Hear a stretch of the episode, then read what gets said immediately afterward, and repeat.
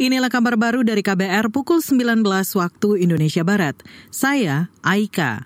Keluarga mendiang Brigadir Nofriansyah Yosua Huta Barat kecewa dengan putusan Mahkamah Agung yang meringankan hukuman ex Kepala Divisi Propam Polri Verdi Sambo dari hukuman mati menjadi penjara seumur hidup.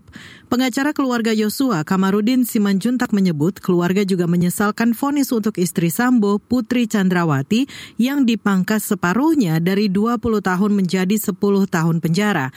Padahal terdakwa dinilai berbohong terkait pelecehan seksual yang dialami mengalaminya. Lah itulah keprihatinan kepada kita kenapa putusan daripada istri Pertisambo diskon 50 persen.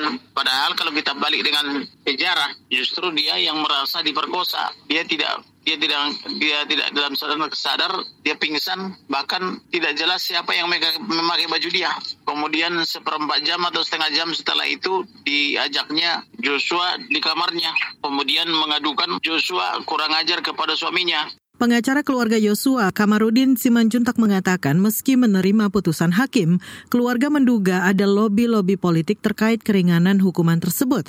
Keluarga juga tidak melaporkan Majelis Hakim Agung yang menangani kasasi Sambo ke Komisi Yudisial. Beralih ke informasi lain, Kementerian Kesehatan mencatat setiap tahun terdapat 40 ribu lebih kasus kanker serviks di Indonesia.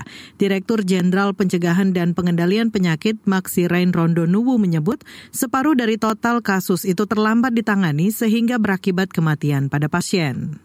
Ternyata di samping melakukan screening, deteksi awal dan imunisasi itu yang paling murah, paling murah. Karena kalau sudah kena kanker rahim ya belum tentu selamat. Kalau sudah operasi, kemoterapi atau apa pun sudah pasti mahal biaya, sangat mahal. Oleh karena itu pemerintah dalam ini Pak Menteri Kesehatan melakukan perluasan untuk imunisasi HPV ini di nasional.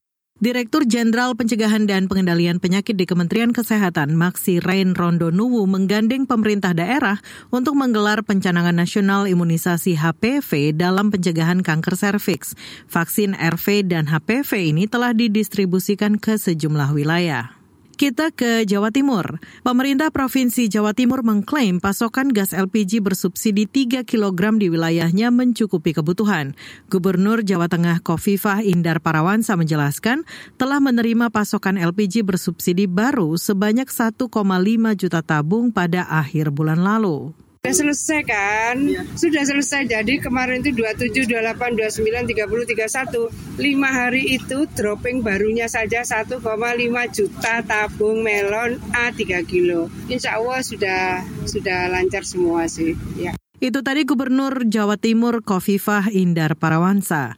Sebelumnya, kelangkaan gas LPG bersubsidi terjadi di Jombang, Kediri, Blitar hingga Banyuwangi. Saat itu, pengecer hingga pangkalan gas LPG harus menunggu selama beberapa hari untuk mendapat pasokan baru dari Pertamina.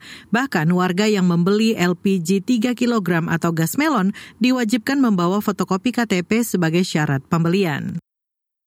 Inilah kabar baru dari KBR pukul 19 waktu Indonesia Barat. Saya Aika.